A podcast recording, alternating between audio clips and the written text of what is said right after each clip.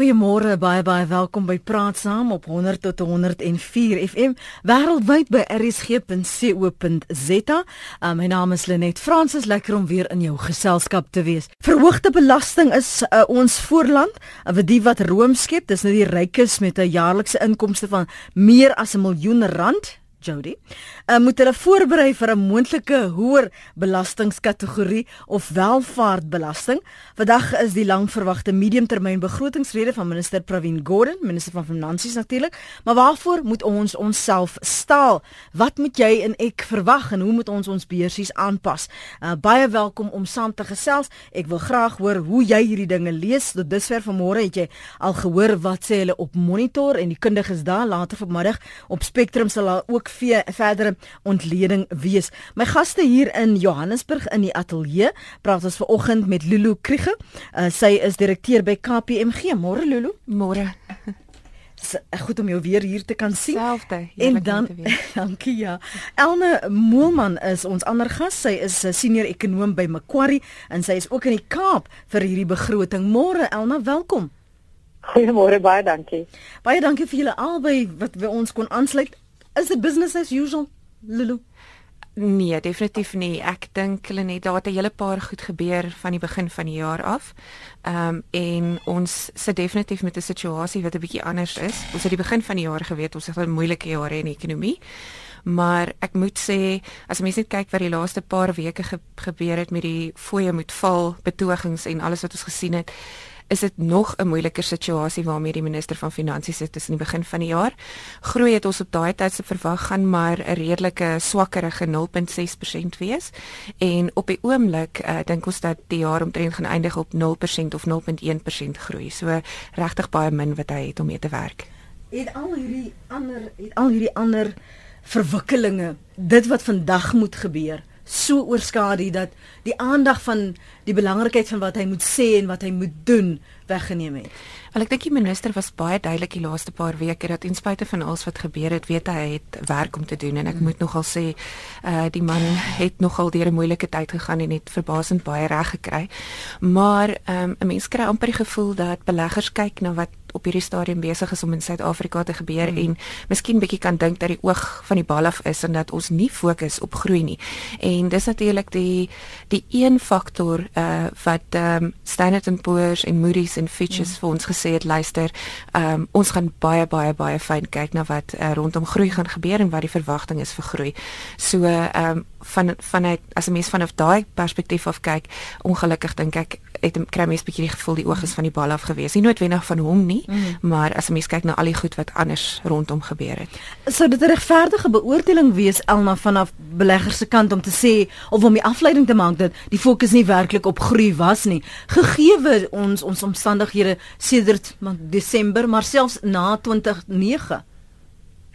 Ja, ek dink dit sou geregverdig wees. Ek dink mense moet amper 'n onderskeid tref tussen wat ons vandag gaan sien en wat die minister van finansies kan doen en kan beheer en dan Ja, maar ander groei verwante verwikkelinge. Met ander woorde, die minister van finansies kan eintlik maar net die fiskale deel beheer en bestuur en ons sien dan nou ook natuurlik dat hy amper buite dit gegaan het en met besighede begin saamwerk het en 'n paar programme aan die gang gesit het ensovoorts. So dit eintlik ehm um, boonbehalwe dit wat hy normaalweg sou gedoen het. So ek dink wat ons vandag behoort op te fokus is amper net as hy net vir ons kan sê die fiskale raamwerk, die fiskale pad oor die algemeen gaan nog onveranderd bly, mm. sal dit alreeds baie positief wees. Ek dink ongelukkig in terme van die groei kant, het ons natuurlik in Suid-Afrika al vir baie jare almal uh, amper oor saamgesê met ons min of meer weet wat die beleid veranderings is wat ons nodig het, maar ons sukkel 'n bietjie met implementering mm. en die punt wat Standard & Poor's herhaaldelik gemaak het oor die laaste jaar of so is dat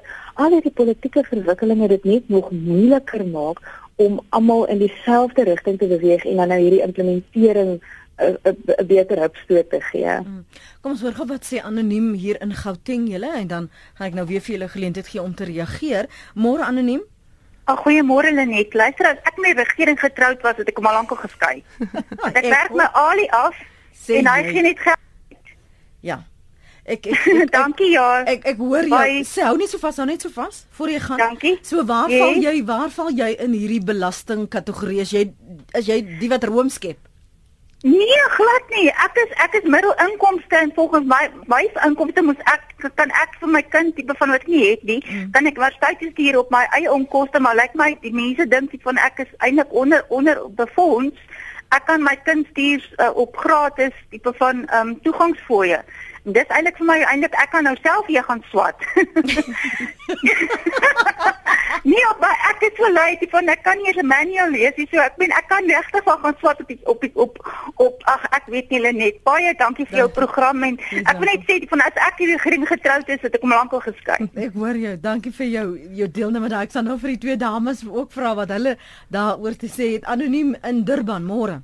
Ehm um, goeiemôre. Ehm um, um, wat ek graag wil sê is dat uh, in Suid-Afrika, ek miskien dink deur reg deur die wêreld is die meerderheid mense ehm um, is enkel lopende vroumense um, met kinders en die regering is besig om ons belastinggeld absoluut net te mors en met dit te doen net wat hulle wil. En ek voel ons regering is eintlik die grootste kriminele. Hulle moet eintlik in die in die in die gevangenis sit en ons mense op die straat, ons word net meer belas, ons word net meer belas en ons is maas, ons is maas met kinders. Ons kan nie eens meer die lewe bekostig nie. Jy gaan na die die, die winkels toe, jy koop jou uh, groceries en jy loop uit met uh 1000 rand se groceries en dit is drie sakkies mm. en uh, die lewens raak net te duur. Ons kan dit nie meer bekostig nie. Besef die regering nie wat hulle besig is om aan die mense doen nie. En die ding is dat hulle ons aanhou druk en dit is finansiële uh, financial abuse. En as hulle aanhou om ons maas so te abuse finansiëel, ehm um, op die einde van die dag gaan tot die maas begin, nie net die kinders nie, maar die maas wat so onderdruk word en finansiëel geabuse word, gaan ook moet begine opstaan, gaan ook moet begine 'n uh, uh, retaliate teen die regering. En ons land is in uh, on- Suid-Afrika is in 'n gemors en die regering hou net aan met hulle luxury parties en hulle silk suits en hulle vlieg rond op jets en Zuma wat geld uit die land uitvat en ons staatskoffers wat leeg is, letterlik leeg is. Jy gaan in jou vat jou tekspapier om in te handig en word gesê maar ons gaan julle nie julle geld kan teruggee nie want ons staatskoffers is leeg. Wie gee die regering die reg om ons mense so te belas om ons geld waarvoor ons werk net aanhou te vat en ons het nie 'n sê nie. Jy weet, waar waar trek mense lyn? Die mense in Suid-Afrika moet begin wakker word en begin opstaan teen hierdie regering wat dink hulle kan doen net wat hulle wil. They above the law. En ons moet net betaal. Ons moet net die gelag betaal die hele tyd. En enough is enough. Ons moet begin opstaan en sê no more. And this is it. Ons is maas, ons is ons het kinders wat ons moet onderhou. Who do they think they are? Dankie vir jou vir jou oproep. Ek waardeer dit. Daar's baie baie maas Ja. wat ver oggend daai hartskreet hoor. Ja. Want niemand kom by om hulle te help nie, om dit te ondervang die leemtes nie. En waar moet hulle nog is bloed het 'n klip uit tap. Mm. Ja, ons sit met 'n Lenet, ons sit met 'n probleem in Suid-Afrika as jy gaan kyk na die belastingbasis en die hoeveelheid mense wat wat ons het om belasting te betaal. Dis dis waarskynlik een van ons grootste probleme en dis hoekom ons nog boonbehalwe om vir mense werksgeleenthede te skep as ekonomie dit so nodig het om werk te skep want dit uh, sal die belastingbasis vergroot.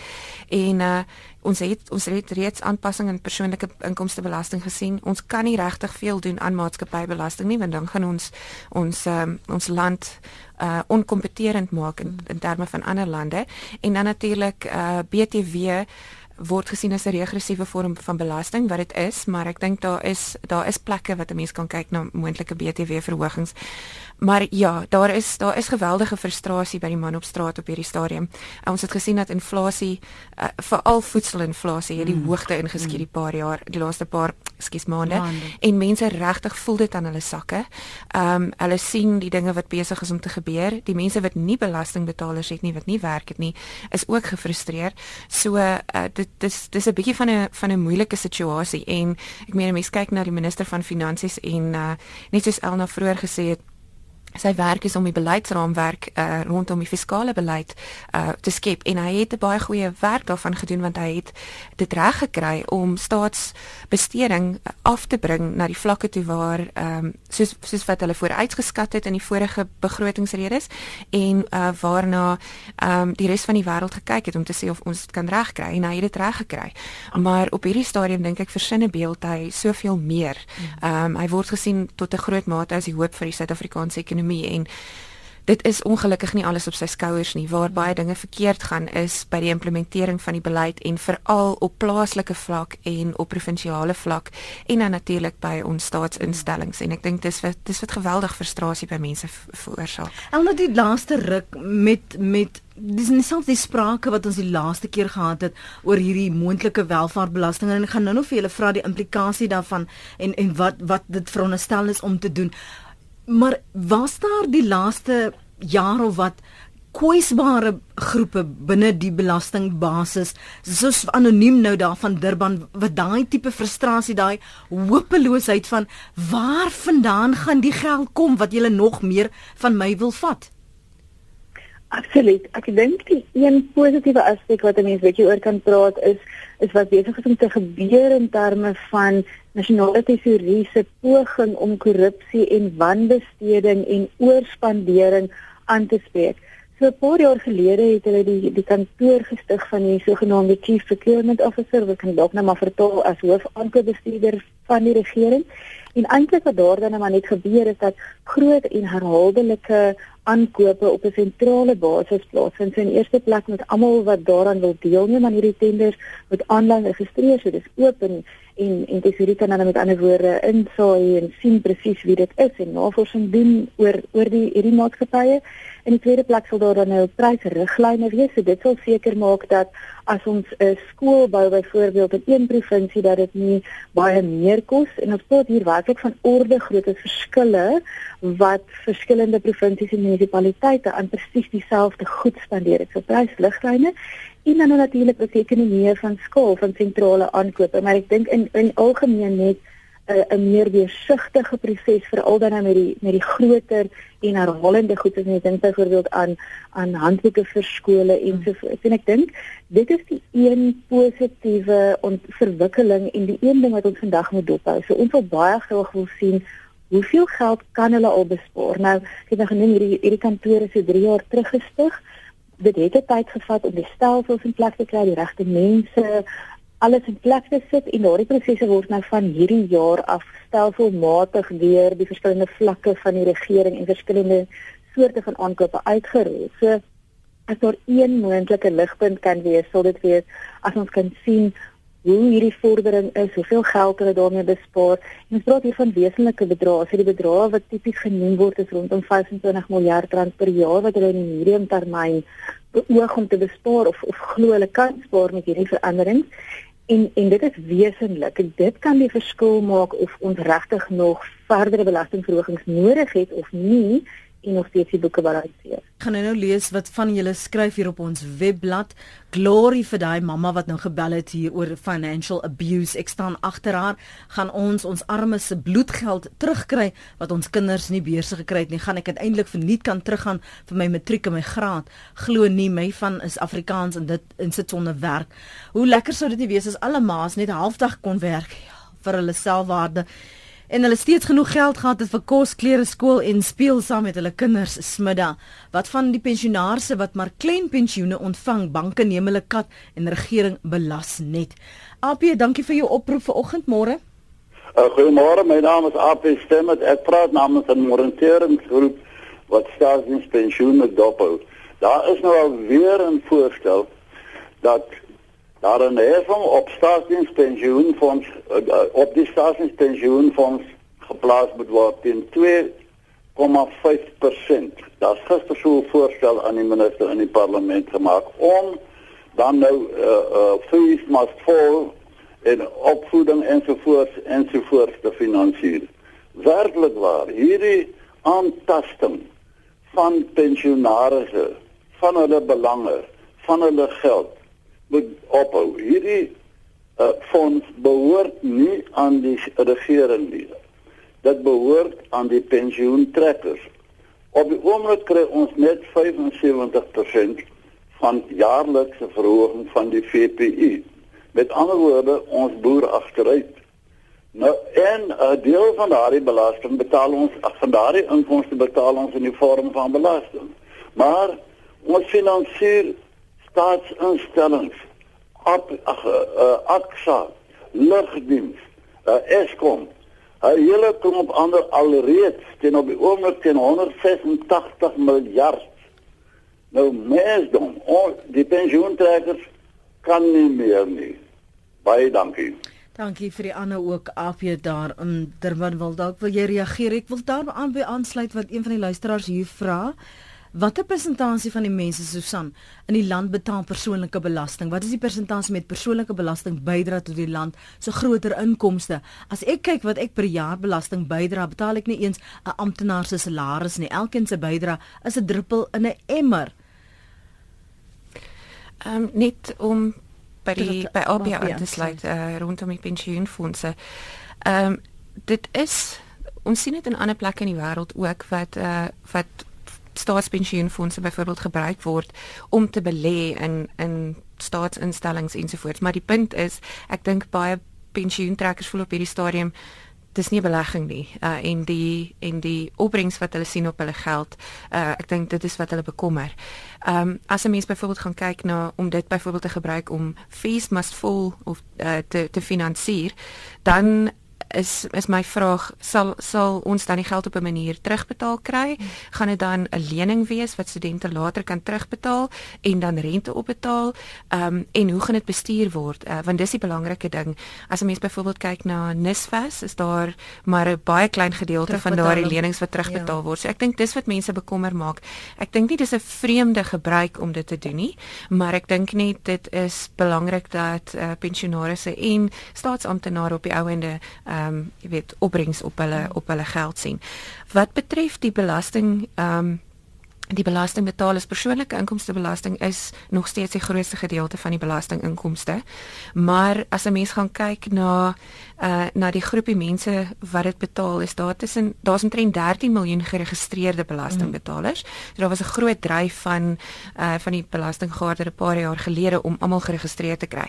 Dit beteken nou nie natuurlik almal van hulle is belastingpligtig nie, maar dit is iets wat wat gedoen is. Maar daar's 'n baie baie groot deel, ek dink omtrent tussen 60 en 80% van die inkomste belasting wat in 'n groepie van omtrent 20% van die van die belastingpligtiges uh, se hande sit om te betaal. En dit is maar soos wat ons nou wat tipies sal beskryf die middelklas en so mm. aan. So ek kan verstaan dat daar dat daar daardie mense voel hulle is onder druk. Mense sit natuurlik in Suid-Afrika met 'n situasie waar jy moet besef, ehm um, ons is in 'n ontwikkelende land.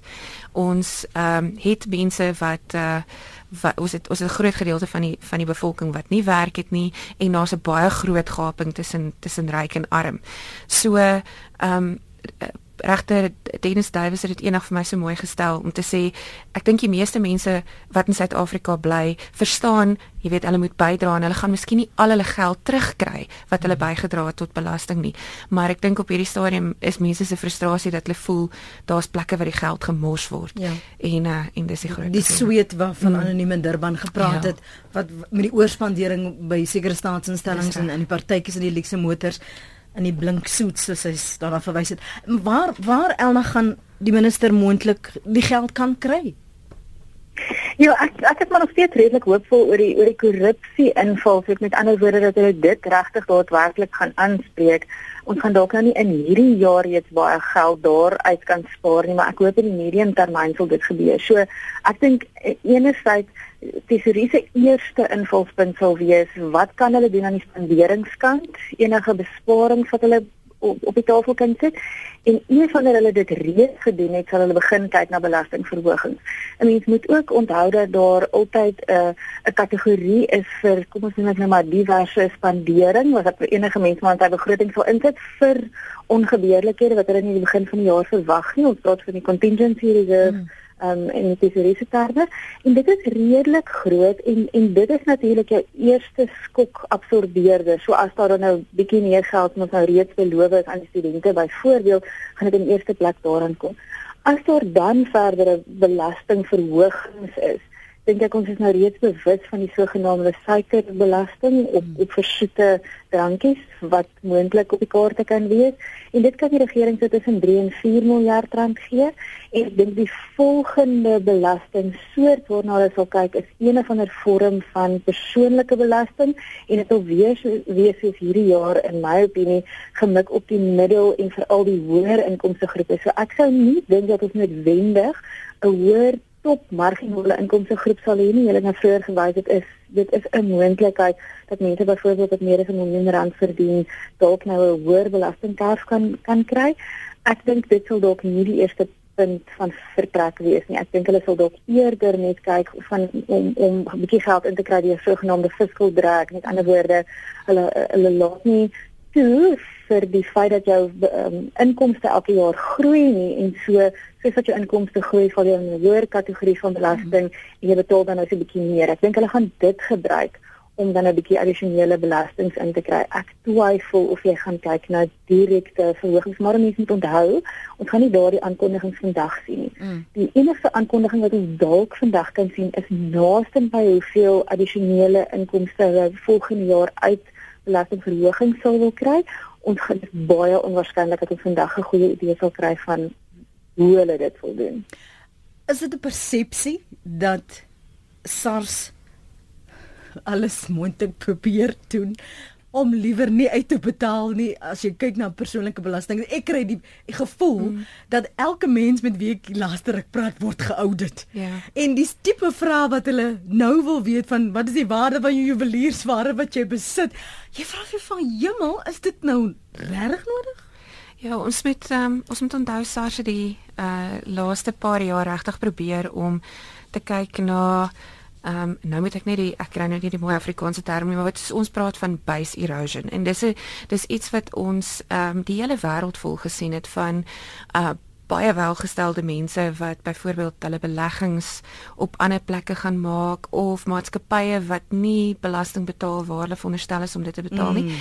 In die meeste gevalle was dit heeltemal binne die belastingwet van van die lande. Die sogenaamde tax havens. Yes. Ja, ekskuus. nou antwoord ek in Engels. Ehm um, um, maar dit is dis iets wat ons wat ons gesien het, maar wêreldwyd was daar 'n fokus om te sê, kom ons gaan kyk waar die regte plek is as jy nou gaan kyk eties om belasting te betaal en kom ons help mekaar as lande onder mekaar om seker te maak ons kry die belasting wat ons toekom. So daar was 'n geweldige fokus daarop en ek dink eh, mense kan dalk 'n bietjie voel uh, jy weet daar's 'n daar's 'n vreeslike vergrootglas, maar dis dis onder andere waar dit vandaan kom. En dan um, Ek moet sê ek ek kry verskillende boodskappe. Party mense sê as hulle hulle opgawes opgawes indien, is dit binne 'n dag of 2 dan kry hulle hulle geld terug. Ehm um, ongelukkig as jy geoudit word uh, en ek kan nou nie sê dit is so nie sal dit miskien vir 'n paar jaar na mekaar gebeur en dan skuif hulle weer aan. So dis gewoonlik as daar iets in jou persoonlike situasie verander het of wat hulle vir hulle lyk like, asof dit verander het, dan kan hulle dalk besluit, maar dit is ook iets wat hulle jy weet heeltemal ehm um, op 'n op 'n ongeskeduleerde hmm. basis doen en dan 'n maar mense hou dit. Elnam die die gedagte van welvaartbelasting kom al 'n rukkie met ons en elke keer lyk dit asof ons bors toe trek. Uh, hoe hoe effektief is dit en wat impliseer dit? Ja, ek dink mense moet amper onderskeid maak tussen 'n direkte welvaartsbelasting met ander woorde die waarna jy daar sal dink is die tesorie of of SARS sal kyk na presies wat jou batewaarde is en dit dan nou probeer belas. En daar's bitter min lande in die enige wêreldwyd wat dit regtig op daardie manier doen.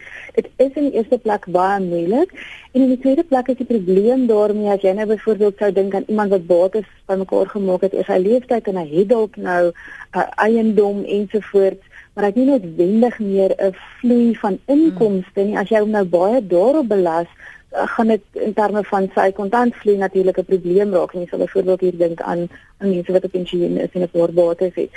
Dit sal dan nou die ander rede wees waarom mense dalk nie so sou belas nie. So ek dink dat ten spyte daarvan dat die ANC op die stadium in beginsel gesê dis nie 'n slegte idee nie, gaan dit dalk nie gebeur nie. Dink waar ons eerder op hierdie stadium kyk is om die inkomste op welvaart um, te belas. Ons het natuurlik nou reeds gesien dat kapitaalwinsbelasting voorheen verhoog is. Ek sou nie verbaas wees as op een of ander stadium dividendbelasting ook 'n bietjie verhoog sou word nie.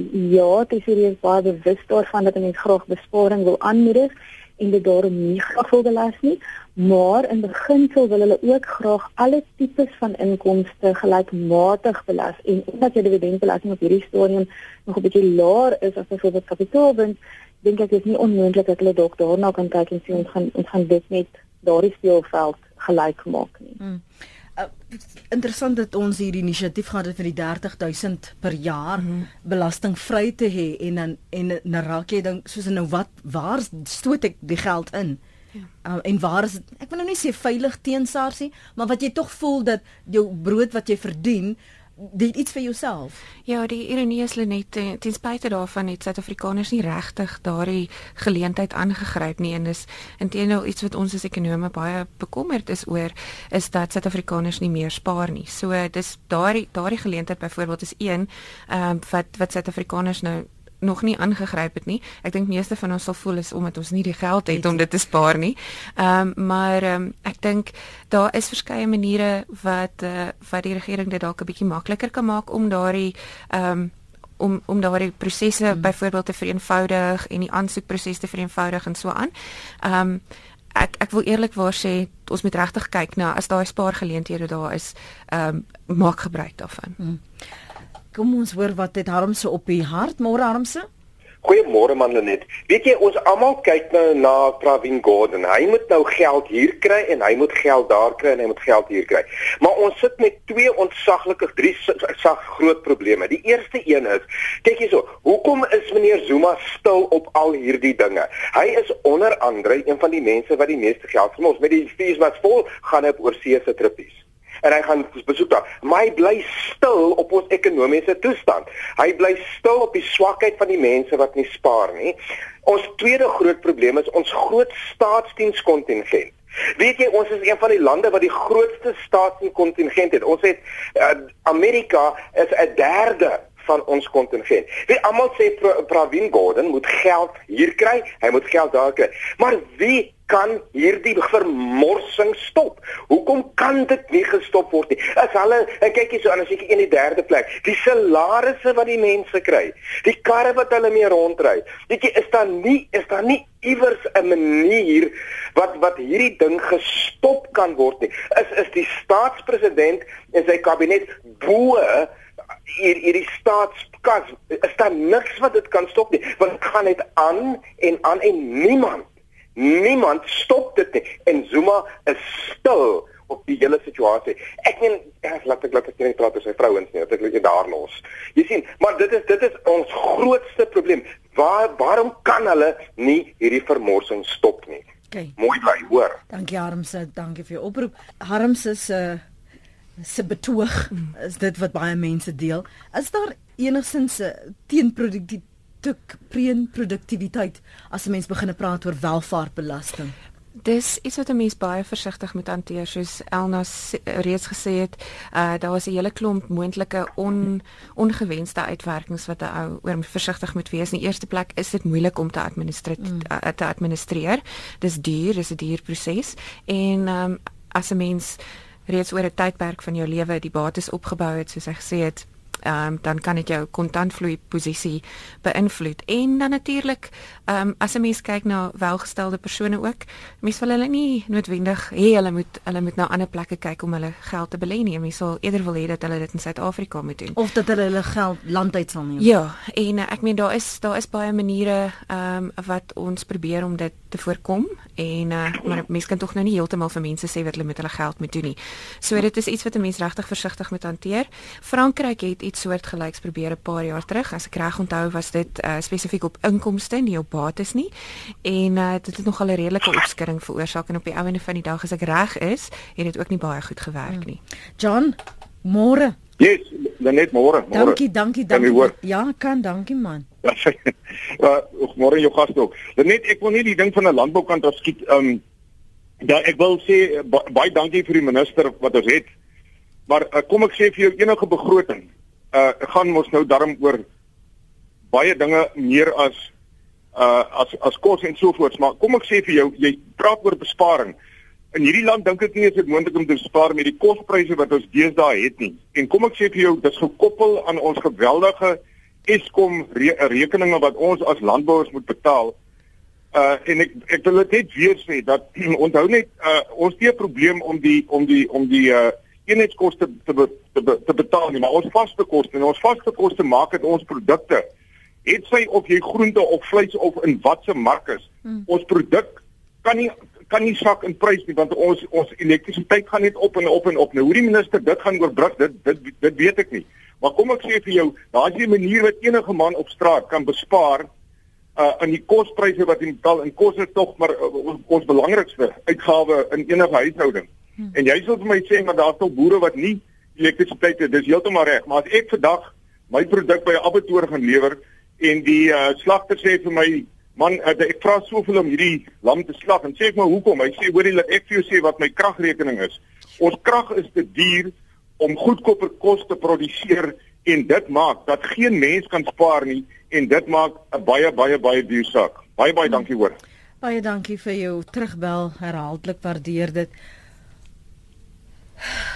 Ek ek voel ek voel want ons raak dit raak ons almal se sakke. Mm. So dit wat John en die ander luisteraars sê, dis dis nie vreemd nie, want ons ervaar dit aan ons lyf. So so waar gaan ons hulp vandaan kom? Ja, Lenet, ek dink is net belangrik dat ehm um, ja, dat 'n mens nie moedeloos raak nie. Ek dink dit is baie maklik om om te sê, mm. ehm um, moenie moedeloos raak nie want daar's lig aan die einde van die tonnel. Ehm um, ek dink regtig daar is en ek dink ehm um, soos Elna ook reeds vroeër gesê het, nasionale tesourie het regtig probeer om te bespaar waar hulle kan en dis een van die groot dinge wat die minister reg gekry het in die begin van die jaar. So ehm um, sy fokus is baie duidelik daarop om te probeer om uh enige buitensporige hmm. besteding ensovoorts ehm um, jy weet in te perk. Ek dink wat wat John gesê het is is waar ek ek dink wat gebeur het die laaste uh paar maande is dat Boere het hulle insetkoste sien verhoog, maar ook gekombineer daarmee het ons met 'n droogte gesit uh, wat natuurlik ook geweldige impak gehad het op op voedselpryse. Kom ons hoop as ons 'n beter seisoen hierdie jaar het en produksie is beter sal dit help. Ehm um, wat elektrisiteitspryse aanbetref, ons het deur 'n tydperk gegaan en is iets wat wat mense baie maklik altyd voorhou om te sê ons het vir baie lank baie baie goedkoop vir ons elektrisiteit betaal en is die waarheid, maar uh, dit beteken ook dat uh, toe die pryse begin verhoog het, was dit baie vinnig en dit was 'n redelike skok dink ek vir die meeste van verbruikers en dit was moeilik om jou produksieprosesse in goed aan te pas. Ja. ja. Alna, die belangrikheid van van stabiliteit. So dikwels die afgelope jaar hoor ons tesourie is in die spervuur. Die belangrikheid van st stabiliteit daar, veral in hierdie ekonomiese tye. Praat 'n bietjie daaroor.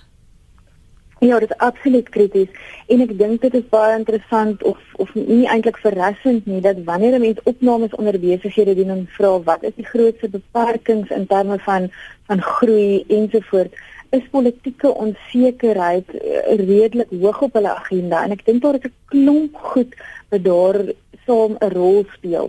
Ons dink nie noodwendig net aan suiwer politiek, maar dit gaan ook oor beleid. In die eerste plek wil jy graag sekerheid hê dat daar 'n uh, spesifieke fiskale raamwerk in plek is en dat dit nie skielik oornag gaan verander met 'n uh, 'n nuwe minister ensovoorts nie. So ek dink dit is baie belangrik, maar dit is nou ook op op ander vlakke. Ons dink hier aan byvoorbeeld die elektrisiteitssituasie waar dit heeltemal in die openbaar is hoe Eskom nou 'n nuwe rigting wil inslaan in terme van die die hernubare kragopwekking ensovoorts en, en daardie tipe onsekerheid is baie sleg vir besighede wat natuurlik langer termyn besluite moet moet neem veral wanneer hulle besluit om vaste investering te doen of mense in diens te neem.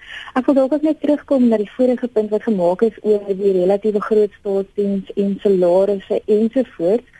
Na die resessie was dit die geval gewees dat daar redelike skerp stygings was in in diensname in die staatssektor, maar ons het nou die punt bereik waar waar dit gestop het. So een van die aankondigings hierdie jaar was gewees dat daar nie verdere groei sal wees in staatsdiens aanstellings nie en dat hulle daarna sal kyk om vakante poste te begin vries ensovoorts. Hmm. En as ons nou kyk oor die 3 jaar begrotingsraamwerk het hulle op daardie stadium die totale spanderingsplafon verlaag met omtrent 25 miljard rand vir die 3 jaar en omtrent alles daarvan was 'n verlaging in die totale loonrekening van die staat gewees. So dit dit sluit weer aan met 'n punt wat ek vroeër probeer maak het, naamlik dat ja, daar is baie probleme, maar in baie gevalle wanneer die probleme ontstaan, word dit dalk nie oornag opgelos en dadelik aangespreek nie, maar mettertyd word die regte stelsels in plek gesit om te voorkom dat daardie probleem aangaan. En een van die goed wat ek nou reeds genoem het was die korrupsie en die tweede een is dan nou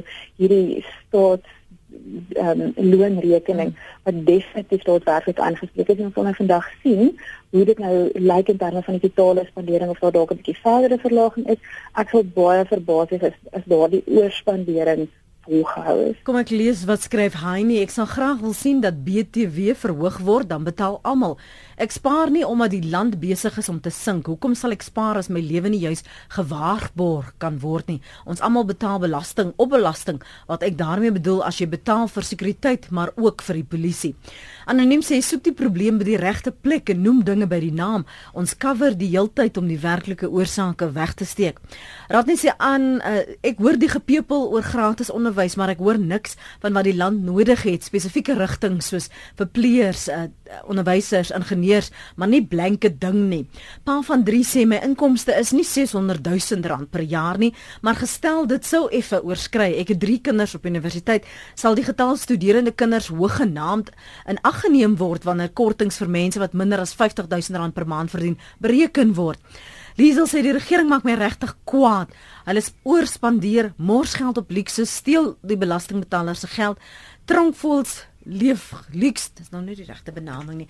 Die wat in die gevangenis is vir 'n bedrag van om en by 10000 rand 'n maand maar die pensionaarse moet met 'n skamele 1500 rand 'n maand klaar kom. As ons belastingbetalers moet ons voudig ons voet neersit en weier om verder te betaal vir mense regeringsamptenare en hakkies wat nie doen waarvoor hulle betaal word met ons belastinggeld nie sê Liesel. Theo Bouman van Klerksdorp sê met hierdie regering se beleid om die belastingbetalers se geld uit te deel en te wanbestuur, moedig hulle net die suksesvolle mense om ander planne en weivelde te soek. Hulle uh, baie daar's baie maatskappye wat onttrek en plaaslike maatskappye wat hulle hoofkantoor skuif na lande soos Mauritius waar die belasting 15% beloop. Dit gaan net erger raak en die armes gaan nog meer verarm. Elsa sê ek wat ek wil weet is hoe ons salaris word elke maand belas met X bedrag wanneer ek my belastingopgawe indien, hoekom ek weer moet inbetaal. Die belastingtabelle word ontvang vanaf SARS en dit word dan gelaai op die betaalprogram. Trek hulle dan nog nie genoeg af maandelings nie. En dan sê Christie van Rietbron, Lenet, jy moet net vir elke luisteraar wat inbel vra en Moon, het jy gestem? Die vloer is vir eers joune en dan gaan ons na Elna toe. Ja, ehm um, om net te praat oor die BTW verhoging hmm. vinnig. Ehm um, dit is iets wat die Duwys kommissie gesê het is nie heeltemal buite jy weet buite die kwessie nie. Ek weet uh, regter Duwys het die begin van die jaar gesê dat ehm um, hulle eers nog 'n bietjie werk wil doen want dit is natuurlik iets wat uh, soos ek vroeër gesê het ook gesien word as 'n regressiewe vorm van belasting. Ehm um, en daarom moet 'n mens versigtig wees as jy 'n besluit neem en jy moet versigtig wees hoeveel en versigtig wees watse kategorieë. Ons het reeds gesien dat voedselpryse het geweldig verhoog. Nou baie meeste van die basiese voedselkategorieë word of teen 0% belas of is uh, eh, BTW vrygestel. So dis definitief nie iets wat van die tafel af is nie. Ehm um, ek weet die Davies kommissie het dit ernstig oorweeg. Dis 'n tipe van belasting wat redelik maklik is en goedkoop is om in te vorder. Dis net belangrik dat 'n mens seker maak dat jy nie die basiese goed wat mense werklik nodig het onnodig duurder maak nie. Dis net 'n belangrike ja um, balans om te kry. En as ons gou vinnig vir ons groet Elma kan praat oor uh korporatiewe belasting en die moontlikheid dat dit daar verhoog of vermeerder gaan word, die implikasies daarvan. Ja, ek dink as jy nou amper reeds vroeër in die program al verwys, dit is redelik onwaarskynlik dat dit sal gebeur juis omdat mense absoluut niks wil doen om om korporatiewe instellings nog verder af te skrik of te ontmoedig mm. om in Suid-Afrika hulle besighede te doen. Wat jy juis wil hê is dat hulle in Suid-Afrika hulle basis moet hê en dan eerder van hier af uitbrei, dan kry ons natuurlik die voordeel van van die uitvoere en ons stimuleer dan weer eens um, in diensname in Suid-Afrika. So as ek 'n lysie moet maak van belastingverhogings wat moontlik op die kaarte kon wees, sou korporatiewe belasting heel onder aanwees hmm. en ek sou sê tweede van onder af sou op hierdie stadium 'n moontlike BTW verhoging wees. Dit is baie moeilik, hulle het nou genoem, jy wil graag die basiese items uit aansluit en dit klink aan beginsel baie goed en op hierdie stadium sou reeds baie basiese voedselprodukte byvoorbeeld wat nie onderhewig is aan BTW nie. Maar dit raak baie moeilik om te sê hoe maak jy seker dat die heel armste ou nie nog BTW moet betaal op die skoolskunde van sy kind nie. So in praktyk is dit weer eens baie moeilik om regtig doodseker te maak dat jy nie die heel armste mense dan nou weer verder beïnvloed nie. Maar die een groot argument ten gunste van BTW sou wees dat dit die een manier is om seker te maak dat jou basis baie breed is en ek dink vir al die informele sektor in Suid-Afrika is mm. baie groter as wat algemeen gemeet word en hierdie is dan natuurlik die een manier wat hulle dan nou ook 'n bydrae tot die staatskas maak. So wanneer minister Pravin Gordhan daar staan vanmiddag en president Zuma sit iewers in 'n hoekie albei seker stywer waar na luister ons tussen die lyne. Ek dink eh, die belangrikste ding van die sogenaamde mini-begroting soos ons dit noem is dat dit die langtermynplan van die fiskale raamwerk en van fiskale besteding vir ons beskryf. So dis 'n 3 jaar rollende plan. So die belangrikste gaan wees waar gaan die regering geld bestee? Bestee wat ekonomiese groei gaan stimuleer. Ehm um, watter areas gaan hulle na kyk om besteding uh, staatsbesteding onder beheer te bring verder en waar is ons reeds? Uh, in die begin van die jaar het ons uh, daai daai ehm um, regmerkie get, get, get reg reg gekry. So dit dit gaan nie twee vernaamste goed wees en soos Elna reeds vroeër gesê het, daar kan miskien hier en daar 'n verwysing wees na belasting, maar ek dink ons gaan 'n bietjie moet wag tot Februarie maand toe om meer duidelikheid te kry. So die langtermyn groeiplan gaan dit wees waarna ehm um, die kredietgraderingsmaatskappye gaan kyk en uh die die implementering van beleid en dan of die minister kan volhou en ek glo hy gaan hmm. om uh, die staatsbesteding onder beheer te bring en te kry soos wat hy alreeds gewys het hy kan doen. En waarna moet ons soek wat dalk nie gesê word nie wat ons weet gesê behoort te word Elna? Ek dink daar is ongelukkig baie goed wat nog in die langer termyn 'n rol gaan speel waarop ons nie altyd die opdaterings kry wat ons graag sou wou hê nie. Mense dink natuurlik hier aan die sogenaamde National Health Insurance, nasionale gesondheidsorgplan wat ons weet nog in die agtergrond is wat geweldige belastingimplikasies gaan hê, maar dit is nie altyd heeltemal duidelik presies waar ons nou trek en en wat die vooruitsigte daarin is nie. Ons hoor so op stelselmatige basis hier en daar 'n bietjie iets daaroor, maar dit is iets waaroor ons regtig moet uitsluitsel kry. Dit sou baie goed gewees het as ons finaliteit oor die kernkragplanne sou kon kry, maar op beide daardie dink ek dit redelik onwaarskynlik. Die laaste punt waarop ek dink daar dalk 'n kans is dat ons wel 'n uh, opdatering kan kry is die staatsinstellings. Iemand het vroeër verwys na Eskom en kragtariewe, maar mense wil nou graag natuurlik sien die hele breë langer termyn hervormingsplan van die regering en weer eens met mense besef dit is iets wat reeds 2 of 3 jaar aan die gang is om te werk aan hierdie hervormingsplan.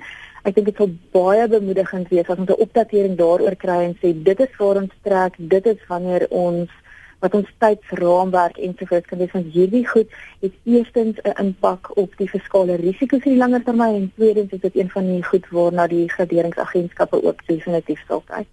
Wel, ons gaan almal vasgenaal wees. Dankie vir jou tyd vanoggend Elna Moelman, senior ekonom by Macquarie. Lulie Kriege is direkteur by KPMG. Dankie vir jou tyd op vanoggend. Dankie vir die saampraat vanoggend. Dankie vir al jou SMS'e en die terugvoer. Dankie vir die openhartigheid. Ek dink baie van ons wat in dieselfde posisie is en wat voel wat jy voel, waardeer dat iemand dit net sê, dat 'n mens nie net lyk asof ons 'n klomp klaarkouse is nie, maar dat iemand anders ook die pad stap en voel aan die lyf uh soos ander wat sukkel om kop bo water te hou in die uitdagings veral wanneer dit kom by belasting. So ek waardeer ook julle openhartigheid. Die vir môre oggend praat ons weer so in die omgewing van 5 minute oor 8. Sien jou môre.